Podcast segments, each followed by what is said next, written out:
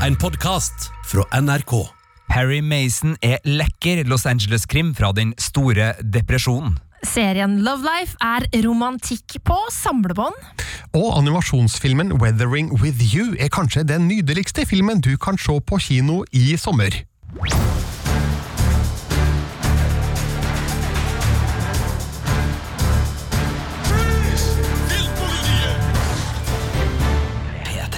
I studio i dag Birger Vestmo. Marte Hedenstad. Og Sigurd Vik. Og det er du, Sigurd, som skal først ut i dag, fordi du har sett en ny serie med en gammel kjenning, og da snakker jeg både om figuren og han som spiller den. Det stemmer. Eh, mandag 22. Eh, juni er det premiere på HBO på den nye krimserien Perry Mason. We do what we don't like when there's a greater good to be served. You more than anyone should know that. The devil put Charlie Dodson in this box. Mr. Mason, it's hard to believe that you're the right person for the job. I'm the only person for this job. When it gets dark. Ja, Perry Mason er en kjent figur for vår foreldregenerasjon, og kanskje besteforeldregenerasjon, for uh, det her er en litt uh, eldre figur. Ja, det her er en uh, rollefigur som dukker opp da i en roman i 1933, skrevet av Earl Stanley Gardner. Og hold dere fast, altså Perry Mason-bokserien er den tredje mest solgte bokserien ever. Er det altså, sant? Harry Potter-bøkene troner jo øverst, og det er jo færre Harry Potter-bøker enn Perry Mason-bøker. La oss nå si at her er regnestykket rigga. Men det er Harry Potter, og så er det den Goosebomb-serien, og så er Perry Mason.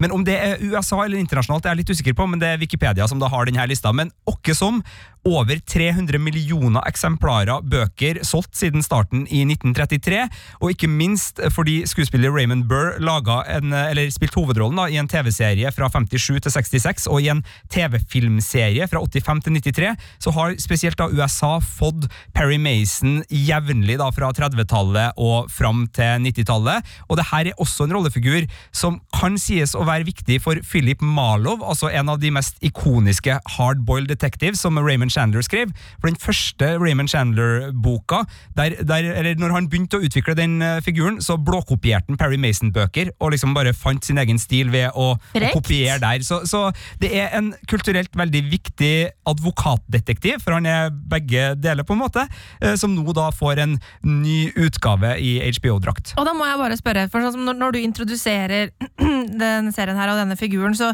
høres det jo veldig sånn eh, svært og kjent ut. Eh, før denne serien her kom, og vi begynte å snakke om den, hadde ikke hørt om Perry Mason. Nei, og det Er det helt kjempemerkelig? Ja, det er fordi du er veldig ung, Marte. Jeg hadde hørt om Perry Mason, men egentlig bare fra, ja, som jeg sa, min foreldregenerasjon og Ja. videre oppover. Som en, eh, en romanfigur fra tidligere tider, men eh, jeg har aldri sett serien med Raymond Burr, og det her er derfor et helt nytt bekjentskap for, for meg, sånn rent filmatisk og TV-messig. Ja, og det tror jeg det vil være i, i Norge, og, og kanskje også i, i Skandinavia og Europa, for det her er nok en veldig eh, sånn hjemmekjær USA-suksess. Jeg, jeg har skumlest litt kritikken den har fått av amerikanske kritikere, og der er det sånn, det er med den største selvfølgelighet at eh, man snakker om denne figuren, og man går inn og liksom kritiserer sånn, sånn er ikke den i bøkene, altså det er umiddelbart, det er ikke noe sånn, uh, her er det en, en ny verden du skal presenteres for, det tas for gitt at amerikanske lesere kjenner til denne rollefiguren, men det er en interessant rollefigur fordi uh, det er en sånn uh, hardkokt, ordknapp, røff type det her, som er da advokat, noe som er litt sånn uvanlig i, i denne krim noir-sjangeren, det er ofte den enslige detektiven vi, vi følger, gjerne privatdetektiven, men han han etterforsker da sine egne saker, den her advokaten som gjør at du får de her krimmysteriene i, i boka. Jeg har lest første boka, og, og det er veldig klassisk sånn eh, Som en sånn hardkutta Agatha Christie. Altså Det er masse plottvrier, og, og kanskje tror man at butleren gjorde det faktisk en liten vending der, men, eh, men det er en eh, lite raffinert eh, type. Altså Han er brutal, han er moralsk veldig fleksibel og, og en sånn type. Men han har ikke så mye backstory i bøkene, og det er jo det hele denne sesongen her er. For HBO går i en ganske ny retning med figuren. De har da fått Matthew uh, Russ fra The Americans, en fantastisk skuespiller, til å spille Perry Mason. Han starter faktisk som privatetterforsker eh, som jobber for en litt sånn pompøs advokat, som vi hørte i lydklippet her, som spilles av John Lithgow, eh, sist sett i The Crown, hvor han spilte eh, Winston Churchill. Og så følger vi da på en måte hans vei inn i en mer uh, tradisjonell Perry Mason-stil, så jeg skal ikke avsløre uh, alt her, men, men det er en litt sånn forhistorie, en litt sånn tilblivelsessesong, det her da, som følger egentlig litt sånn superheltsjangerens uh, troper, angående liksom hvordan en person som Ja, han er krigsveteran, han er alkoholisert, han er traumatisert, han fikk en dishonorable discharge, han bor på familiens gård utafor Los Angeles, alene, han har ei syltynn, mager ku som han så vidt får skvisa noen melkedråper ut av, og han har liksom ikke noe, noe penger, han har sjette liksom inkassovarselet på gården, det er den store depresjonen, det er liksom tungt, det er brødkøer, og der da får han liksom en, en jobb da et grotesk babydrap ryster Los Angeles, og han blir hyra inn da fra den her pompøse advokaten som har en sånn, det her er jo en stor sak, ikke sant, prestisjesak, så skal han begynne da å være snushane, og han oppdager jo da at uh, både politiet og uh, religiøse ledere og mange har eh, noe å skjule i denne etterforskninga. Som du sa, spilles eh, hovedrollen av eh, Matthew Riss, eh, kjent som Philip Jennings i The Americans, og etter seks sesonger av en så stor og populær serie, er det mulig å se forbi Philip Jennings når han nå plutselig spiller en helt annen figur? Ikke for oss som er veldig glad i The Americans, og som har den rollefiguren med oss uh, som, som, inngangsbillett, men det er ikke et problem. Det fungerer fordi det er så mange like kvaliteter i de to, at uh, det at uh, Matthew Riss spiller dem på Ikke på samme vis, men, men, men med en hang til en del av de samme uh, indre stridighetene, hvis det gir mening. Fordi uh, Philip Jennings var jo en uh, kar som spilte Spi, uh, sovjetisk spion i USA og levde et amerikansk familieliv. Uh, var veldig glad i familien sin, og så fikk han en del oppdrag fra en oppdragsgiver som ga han moralske kvaler. Og det, det, det er ikke det samme, men det er overførbart da, at her er det liksom både ærefølelse og et moralsk kompass og en pliktfølelse og u, uh, altså kjærlighet som ikke blir gjengjeldt, og det, det, er ganske mye som, som, ligner over. Og Matthew Riss har jo heldigvis da det verktøyskrinet som gjør at han kan spille ut det her på, på gripende vis, og det er på skuespillerfronten og på dramafronten jeg syns Perry Mason uh, virkelig gjør seg, i tillegg til at det er en periodeserie som er selvfølgelig HBO-lekker i, i, alle fasetter. Det er Game of Thrones-regissør uh, Tim van Patten som, som, har regi på det her, og han har virkelig klart å liksom Han har vel også nå, nå, husker jeg ikke helt, men det er en del Boardwalk Empire-folk med også her, så, så, det å få liksom Los Angeles anno 1932, da, som vi, som vi beveger oss i, til å se bra ut, det, det får de så definitivt. Et lite sidespor kanskje her, jeg bare lurer litt på um, rollefiguren som John Lithgow spiller, altså EB Jonathan, fordi jeg har jo da, som mange andre, sett uh, godeste Lithgow i det siste, da, i, i, rollen som Winston Churchill i The Crown, og også som Fox News-sjefen Roger Ailes i filmen Bombshell. Og han er jo svær i begge de rollene. Altså, har John Lithgow blitt svær, eller er den maskert? Eh, her er en eh, ganske tilbake til en eh, ja, relativt normalvektig type. Sånn som du har sett den i serier som How I Met Your Mother, hvor han gjestespillerrolle som faren til Barney Stinson og en del andre. Så, så han er mer tilbake på nor normalvektige breddegrader. Ja, så det var, det var kanskje fettsuit da, i The Crown? det kan ha vært en, en, sånn runde, men det kan jo hende at han en, har en indre Christian Bale som må mates, og at han dermed liker de anstrengelser som kommer ved å gå 20 opp, 20 ned. Det, det vites ikke. men uh, Birger, uh, altså jeg kan uh, nevne at det er ikke bare John Lithgow som gjør det her bra. altså Lily Taylor, Robert Patrick. Uh. Altså kjent fra T1000 i Terminator 2. Ja, og Steven Root, også en karakterskuespiller veldig mange er, er glad i. Og Tatjana Meslany, som er helt glimrende. Altså Det er så mye gode skuespillere i birollene her, og spesielt den sida som glir ut mot en sånn for det, det, og det her er liksom basert på virkelige hendelser, selv om det ikke er virkelige personer. Det var eh, sånn evangelistiske radiopredikanter. Ble veldig populært på 30-tallet i Los Angeles, og spesielt ei som jeg ikke husker navnet på historisk sett, ble veldig ikonisk. Og det er nok løst basert på hun, eh, ei av eh, de sentrale figurene her, som da har veldig tro på egne mm, religiøse krefter og en veldig sånn god connection med, med Gud. Og, og det gudfryktige i den serien her er også fascinerende, fordi når du putter en krim inn i liksom eh, politikk, religion, makt, og ikke minst at et OL skal komme. Så det er masse sånn eiendomsutviklere som driver og kjøper opp landområder utenfor Los Angeles. Så det, det, det er så deilig sånn hengmyr av eh, ulike interesser og uh, altså der blir serien også aktuell, da, fordi kvinneforakt og rasisme er kjempeviktig her. For du ser hvordan hvite eh, privilegerte menn kan styre begivenhetene ved å bare kaste svarte og kvinner foran seg når de trenger noen for å få skyld. Altså det er sånn, Vi trenger en ny mistenkt fordi politiet fant et nytt spor, så det første mistenkte går ikke. Da er det liksom bare sånn ja, hun der er ganske løs på tråden, ikke det? Hun, hun er juryen villig til å liksom dømme, så, så du får den der Og, og, og den, det er ikke en sånn her Det her er så lenge siden at sånn er det ikke lenger. Det er mer de viser oss hvor utrolig skeiv borgerrettighetskamp og, og kvinnekamp starter, da, og hvorfor vi fremdeles har store utfordringer, ikke bare i USA, men i hele verden rundt de her kampene. Fordi øh, ja, det, det, det, det har aldri vært rettferdig, og derfor så er det så vanskelig å få det bra. Og da er det skremmende at det er en serie som er satt i 30-tallet. Eh, hva er det du sa? Ja, ja. Og så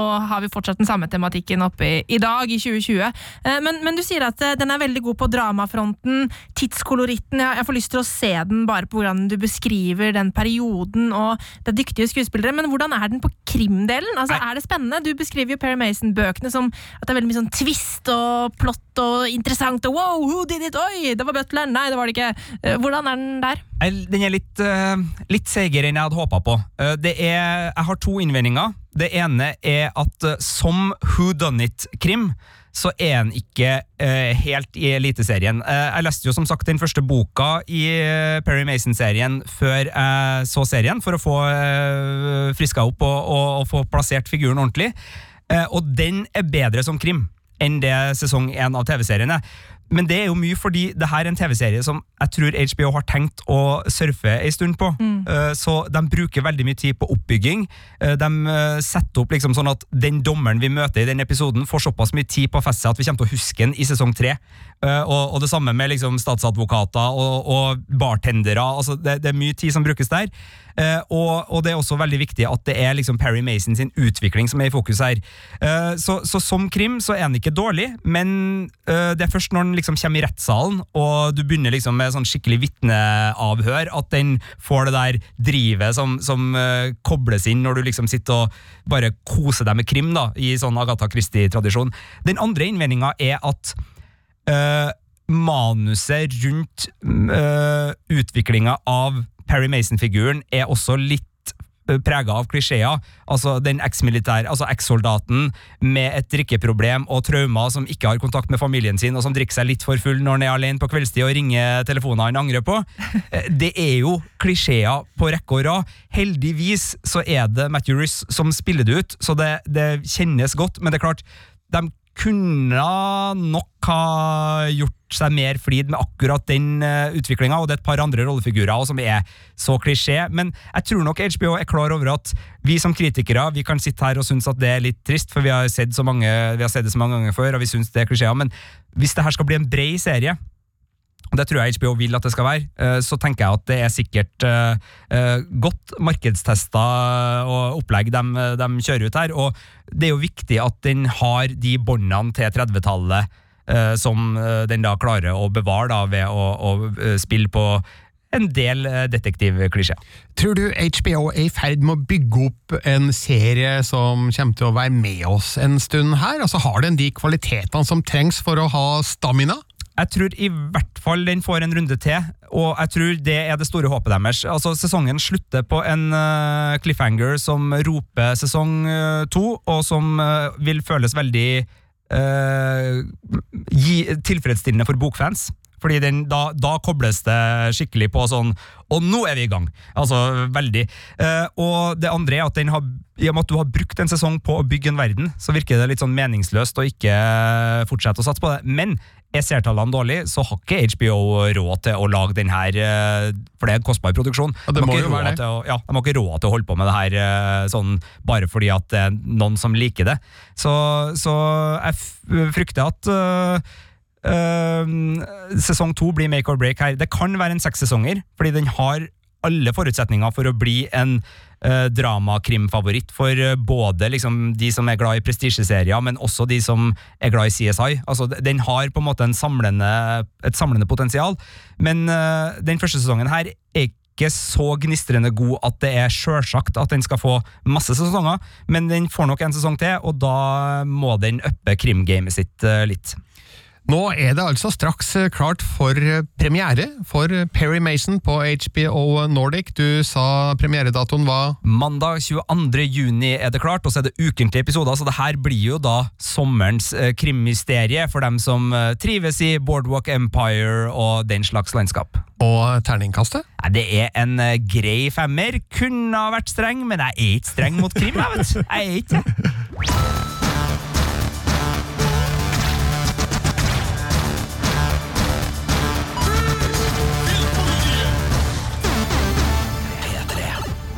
Og når du, Marte, skal snakke om Love Life, så handler det ikke om ditt kjærlighetsliv, men om en serie som heter det.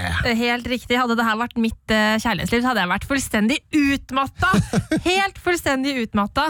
Eh, men det er altså Anna Kendrick, eh, eller altså Darby, sitt kjærlighetsliv vi skal få høre om. I'm, I'm Augie, by the way. Darby. Furby? Darby. Darby, Yeah, sorry, sorry, I know. No, I've gotten Furby before. Have you found the one? No, uh, I found some losers on Match.com. Just feel like I'm failing all the time, you know? Like, is it always this hard? You go for it, and you get on that dick wagon. Mmm. It is your destiny. Very upset by the phrase dick wagon.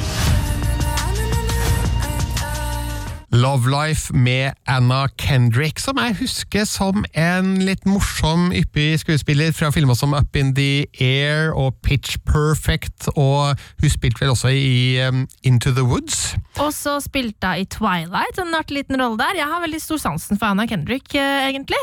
Ja. Eh, hun spiller, som du sier, eh, ofte de derre eh, litt sånn quirky. Altså, jeg finner ikke et godt norsk ord for det. Rar. Det er ikke det samme. Eh, Quirky. Kvikk. Ja, litt sånn kvikk, artig, Morsom. litt rar, morsom. Ja. Keitete. Ja, men ikke helt. Men altså, ja, altså eh, hun er den rollefiguren i veldig mange av tinga hun spiller i, eh, og det er hun også i Love Life, da. Eh, litt sånn hun er Anna Kendrick. Ja. eh, som, eh, hun har litt sånn typecast-type skuespiller ofte. Men det er helt greit, fordi at eh, hun passer godt i de rollene. Men i Love Life så sliter jeg litt grann med å på en måte kjenne på den sjarmen som jeg vanligvis forbinder med henne. Fordi eh, innledningsvis så er det her en litt kjedelig serie, dessverre. Åh, oi, oi, oi. Ja. Kan, du, kan du bare føre oss inn i eh, konseptet her? Hvem er Darby? Darby det er en jente som har flytta fra Florida til New York for å rett og slett eh, jobbe med kunst. eh, og hun har som drøm å bli sånn antikkhandler osv. Hun eh, prøver å liksom få liksom farten på kjærlighetslivet. eh, og det denne serien her er, da, det er en antologiserie. Hver, den er allerede bekrefta for to sesonger, og denne sesongen handler om Derby. Neste sesong skal handle om en annen person.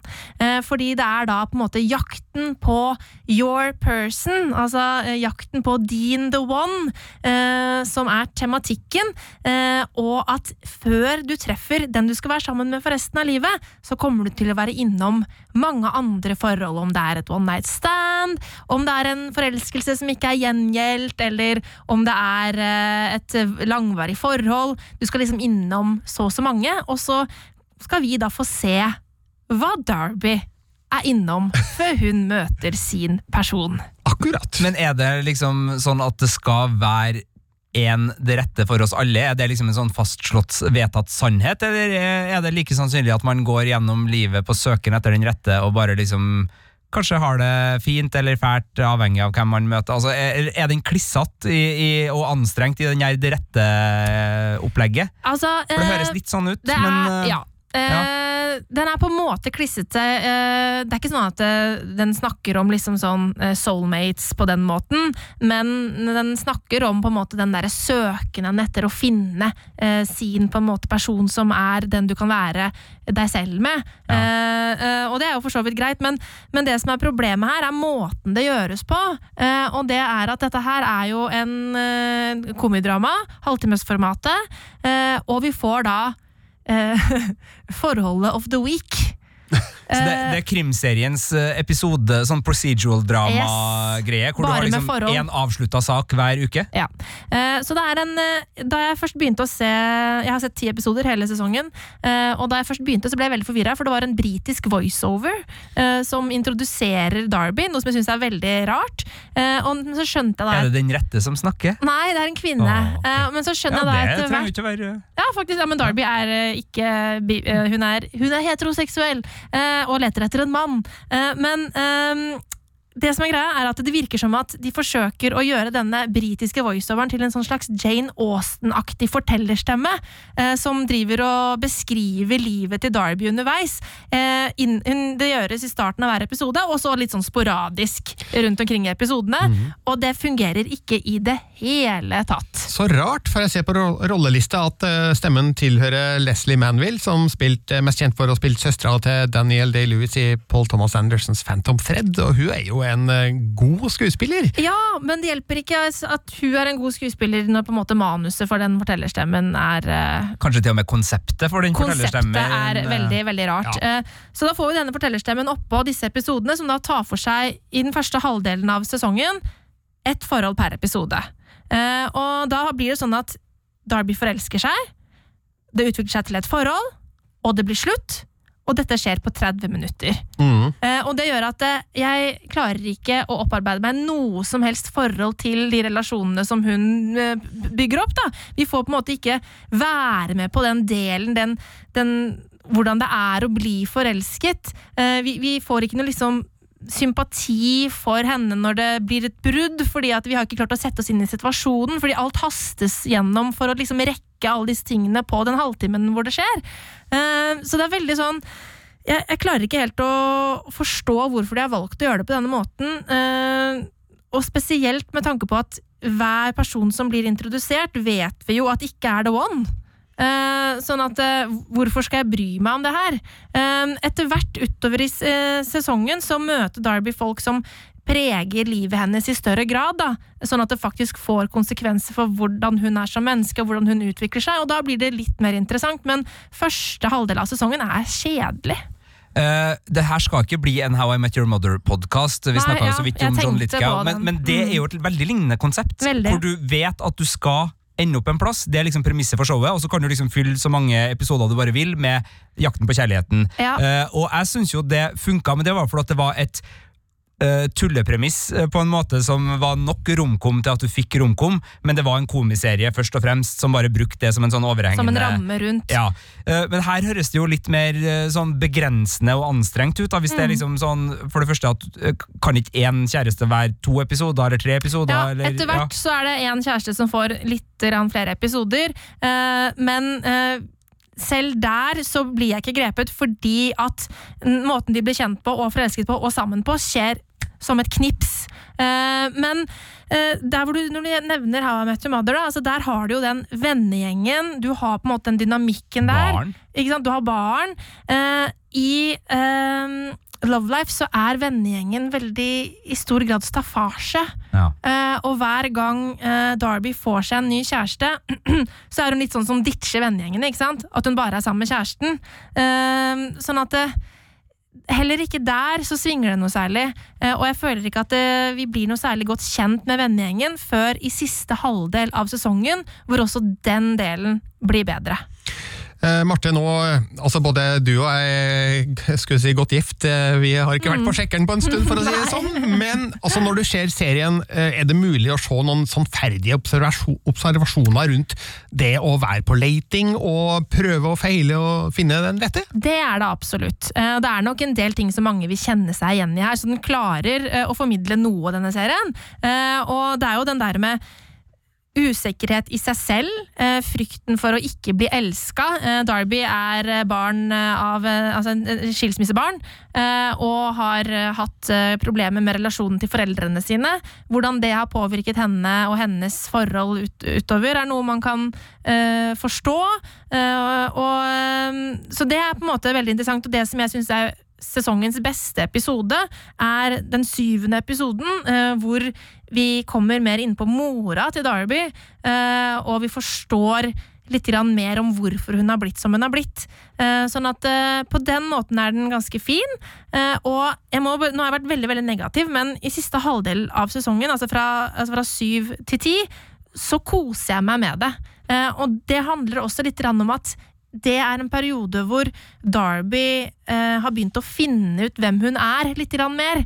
Eh, hun har begynt å og det er akkurat som at Anna Kendrick også finner rollen sin litt bedre, etter hvert som Darby finner seg sjøl litt mer. Sånn at det, blir rett og slett Ja, jeg blir mer grepet av det som faktisk foregår. Men nå ble jeg jo litt, øh, litt sånn nesten trist, fordi ofte så kan jo serier nettopp da få en fantastisk andre sesong ved at skuespillere finner ut Ok, hvem er egentlig den rollefiguren her? Altså, Leslie Mm. Nope fra Parks and Recreation sitter jo ikke sånn. Amy Powler har ikke stålkontroll på Nei. den rollefiguren før litt uti. Men det her er jo en serie som ikke skal få øh, fortsette med Anna Kendrick i sesong to. Altså, det blir en sesong to, men den rollefiguren er på en måte Den er ferdig, den. Den er du har ferdig. sett alt med den rollefiguren, så selv om den kommer seg på tampen, så er det liksom ikke noe belønning for hverken Anna Kendrick som skuespiller eller oss som publikum Mhm. ved at vi da endelig har låst opp en figur som vi skal få følge videre. Nei, så det er eh, så hele premi altså sånn, eh, Måten den serien her har blitt eh, markedsført på, eh, er jo at den liksom skal være litt banebrytende i hvordan den takler den romantiske komedien. Eh, Det høres ikke sånn ut, Og det, høres, det, er, og det har den virkelig ikke klart heller. Eh, Det er jo en serie som er laga for HBO Max, nye strømmetjenesten. Um, og den ble sluppet ukentlig der, eh, og den skal også slippes ukentlig her i Norge. Det er to episoder som allerede er ute nå, eh, på Seymour og TV2 Sumo, og så kommer det en gang i uka hver mandag. Eh, og det, det føles ikke som noe banebrytende overhodet, og det er veldig masse klisjeer det spilles på her.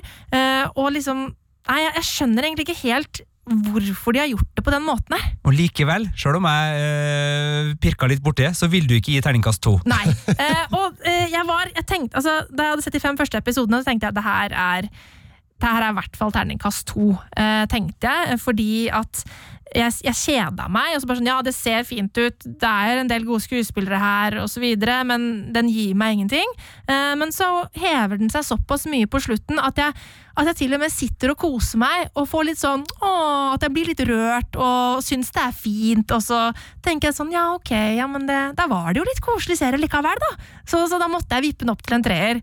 Men eh, jeg, jeg vil ikke anbefale Love Life. Eh, det tror jeg jeg skal holde meg for god for. Hørtes litt småtrist ut. Vi får bare håpe at eh, serieskaperen, som heter Sam Boyd, har lært noen lekser da, før han skal i gang med sesong to. Ja, det blir spennende å se.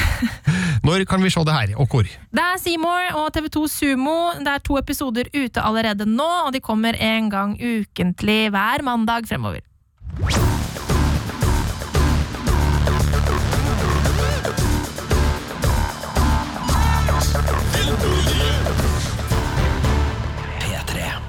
Og så skal jeg snakke om en japansk animasjonsfilm som du kan se på kino fra og med denne helga. Og japanske animasjonsfilmer er jo noe vi i Filmpolitiet tradisjonelt sett er veldig glad i, spesielt du, Marte. Ja, jeg elsker jo spesielt eh, Studio Ghibli sine filmer. Eh, både når det kommer til bare sånn det kunstneriske, håndtegnede ved det, men også mye av det tematiske som ofte tas opp. Eh, mye sånn oppvekstskildringer, finne seg selv. Eh, det er så mange fine historier der ute da, som, som jeg virkelig koser meg med. Og akkurat det er det filmen Weathering With You handler om, men det er ikke en Studio Ghibli-film. Det er fra regissør Makoto Shinkai. あの夏の日 あの空の上で私たちは世界の形を決定的に変えてしまったんだ。重力が眠りにつく千年に一度の今日。俺帰りたくないんだ。君家出少年でしょ。少年仕事探してんだろ？空は海よりもずっと深い。未知の世界なんだって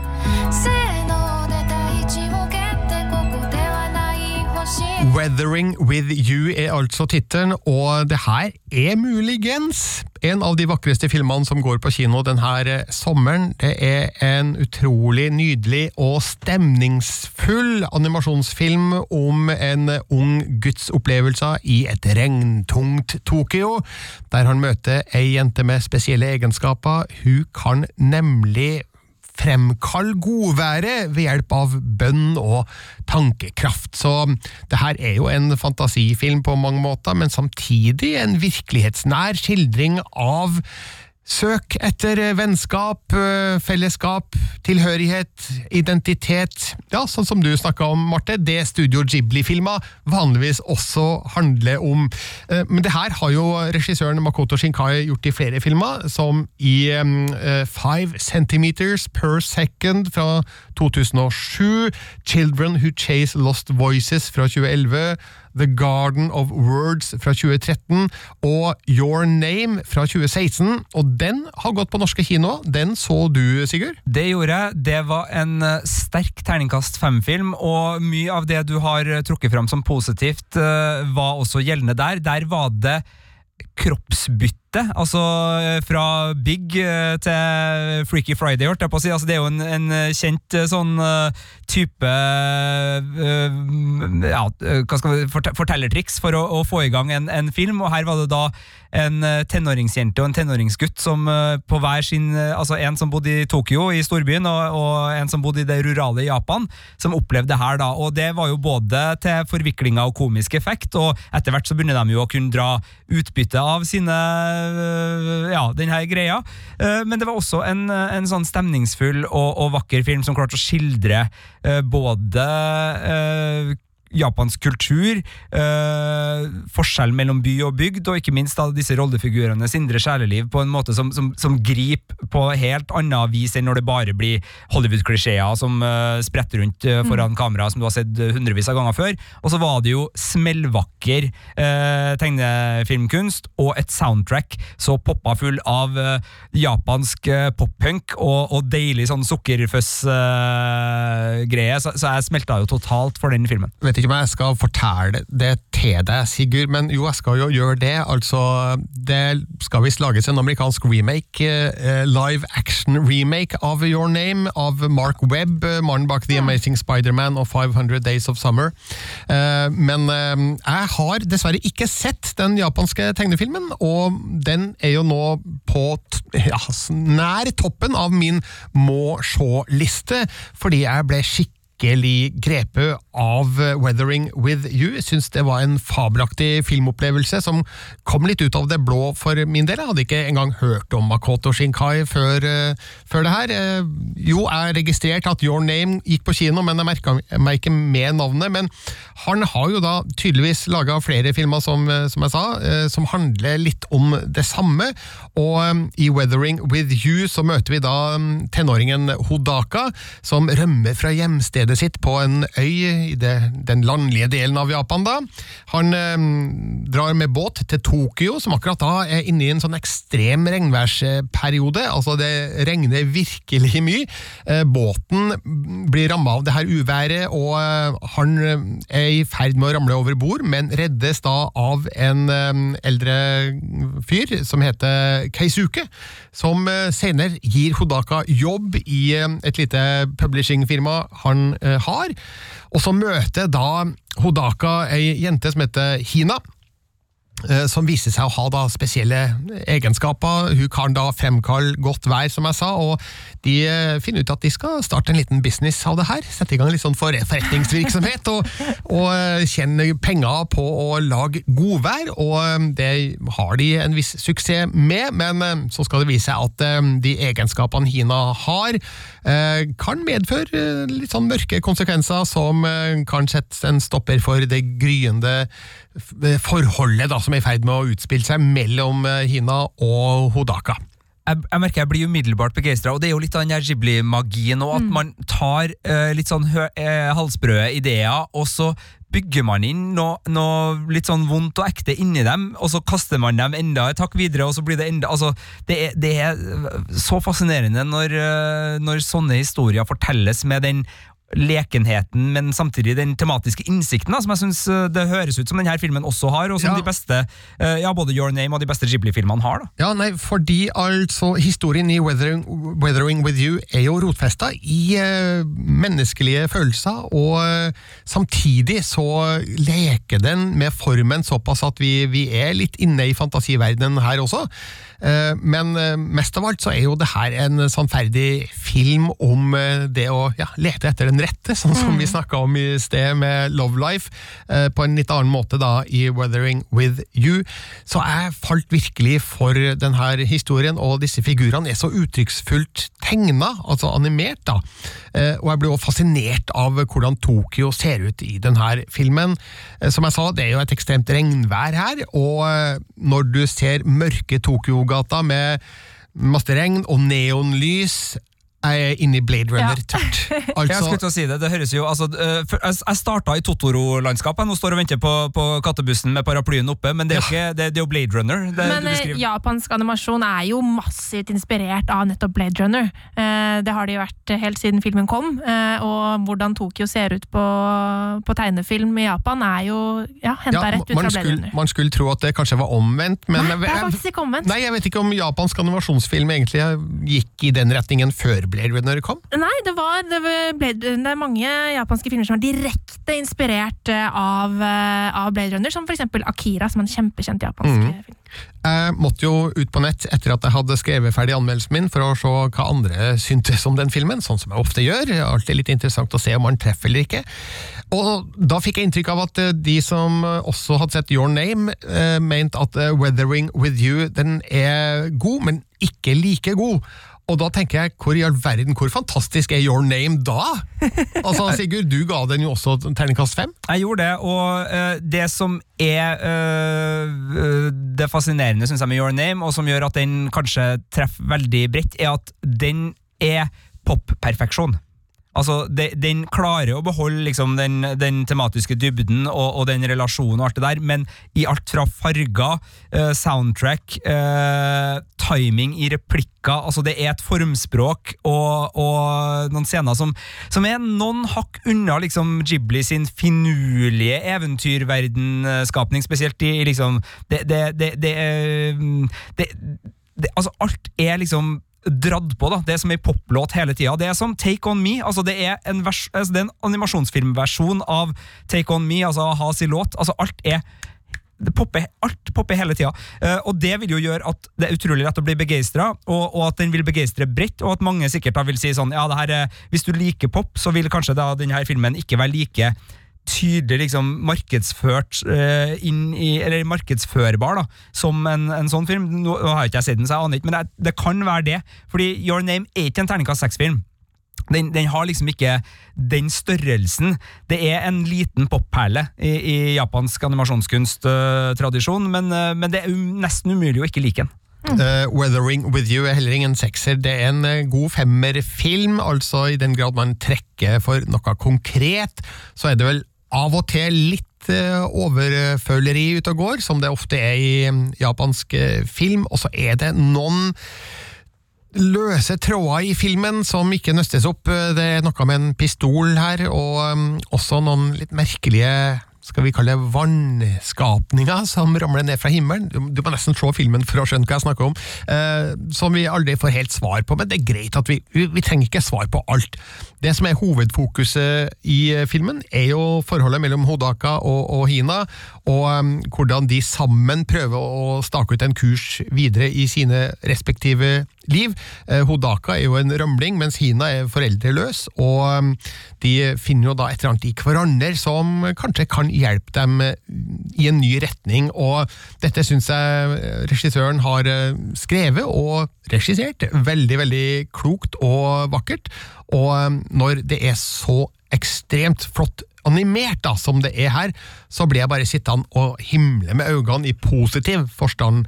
Eh, jeg blir også emosjonelt berørt, fordi det er et med japansk animasjon. altså De trykker på de her trådene, eller nei, de trekker i de her trådene på et forunderlig vis som gjør at uh, sjøl enkle forandringer i, i ansiktsuttrykk sier mye mer enn et menneskelig ansikt eh, kan få til å gjøre. Er du enig i det, Marte? Jeg er veldig enig, og det er litt sånn fascinerende også, fordi at uh, veldig mye av japansk animasjon er egentlig ganske sånn stilisert. Uh, det er ikke, altså Ansiktsuttrykkene er Det er ikke sånn veldig veldig sykt masse detaljer i ansiktene, men likevel så er de så utrolig uttrykksfulle. Um, det er nok derfor også det, de, disse typer filmene rører meg veldig nært. da, Fordi at det, det, er bare hvordan Ja, et eller annet med hvordan det er tegnet som, som, gjør på en måte Det forsterker det som filmen ønsker å fortelle. Du er nødt til å komme deg på kino, rett og slett. Ja, jeg må komme meg på kino. Du òg, Sigurd? Absolutt. Den her eh, Altså, det sier seg sjøl. Weathering With You heter den eh, altså også på norsk. Jeg vet ikke hva den kunne ha het på norsk. Uh, Være uh, Nei, okay, nei, nei, vi skal, vi skal ikke bli ordspillpodkast. Men da er vi ved veis ende i uh, denne utgaven av Filmpolitiets podkast. Være med deg? Ok. Vi, vi sender en e-post til distributøren Arthouse med våre innspill tvert. Så får vi se om de rebrander filmen etter hvert. Vi er i hvert fall ehm, på vei mot eh, slutten for denne gangen. Vi fins på Twitter, vi fins på Instagram. Send oss e-post på filmpolitiet at nrk.no. Og så er det flere podkaster man kan gosse seg med utover. Det er ikke så mange dagene til det kommer en ny podkast fra Filmpolitiet, da med seriene jeg og Marte gleder oss til i sommer. For vi har nemlig eh, tatt oss eh, en runde med TV-guiden, eh, som ikke er en faktisk TV-guide, men internett, og, og, sett hva er det som kommer på diverse strømmetjenester og kanaler, og plukka ut ti godbiter. Så det kan jo være ti elendige serier vi skravler altfor mye om og gir ufortjent oppmerksomhet. Men det er lov å glede seg, si! Det er lov å glede seg, og det kan jo være din neste favorittserie. Nemlig. Og så kan du også høre oss på P3 søndag 21. Mm, juni fra 12 til 15, men eh, etter det tar vi faktisk en sommerferie, og er tilbake på lufta i midten av august. Vi som har vært i studio i dag, er rett og slett Sigurd Vik. Marte Edenstad. Og Birger Vestmo. Og vi sier takk og farvel.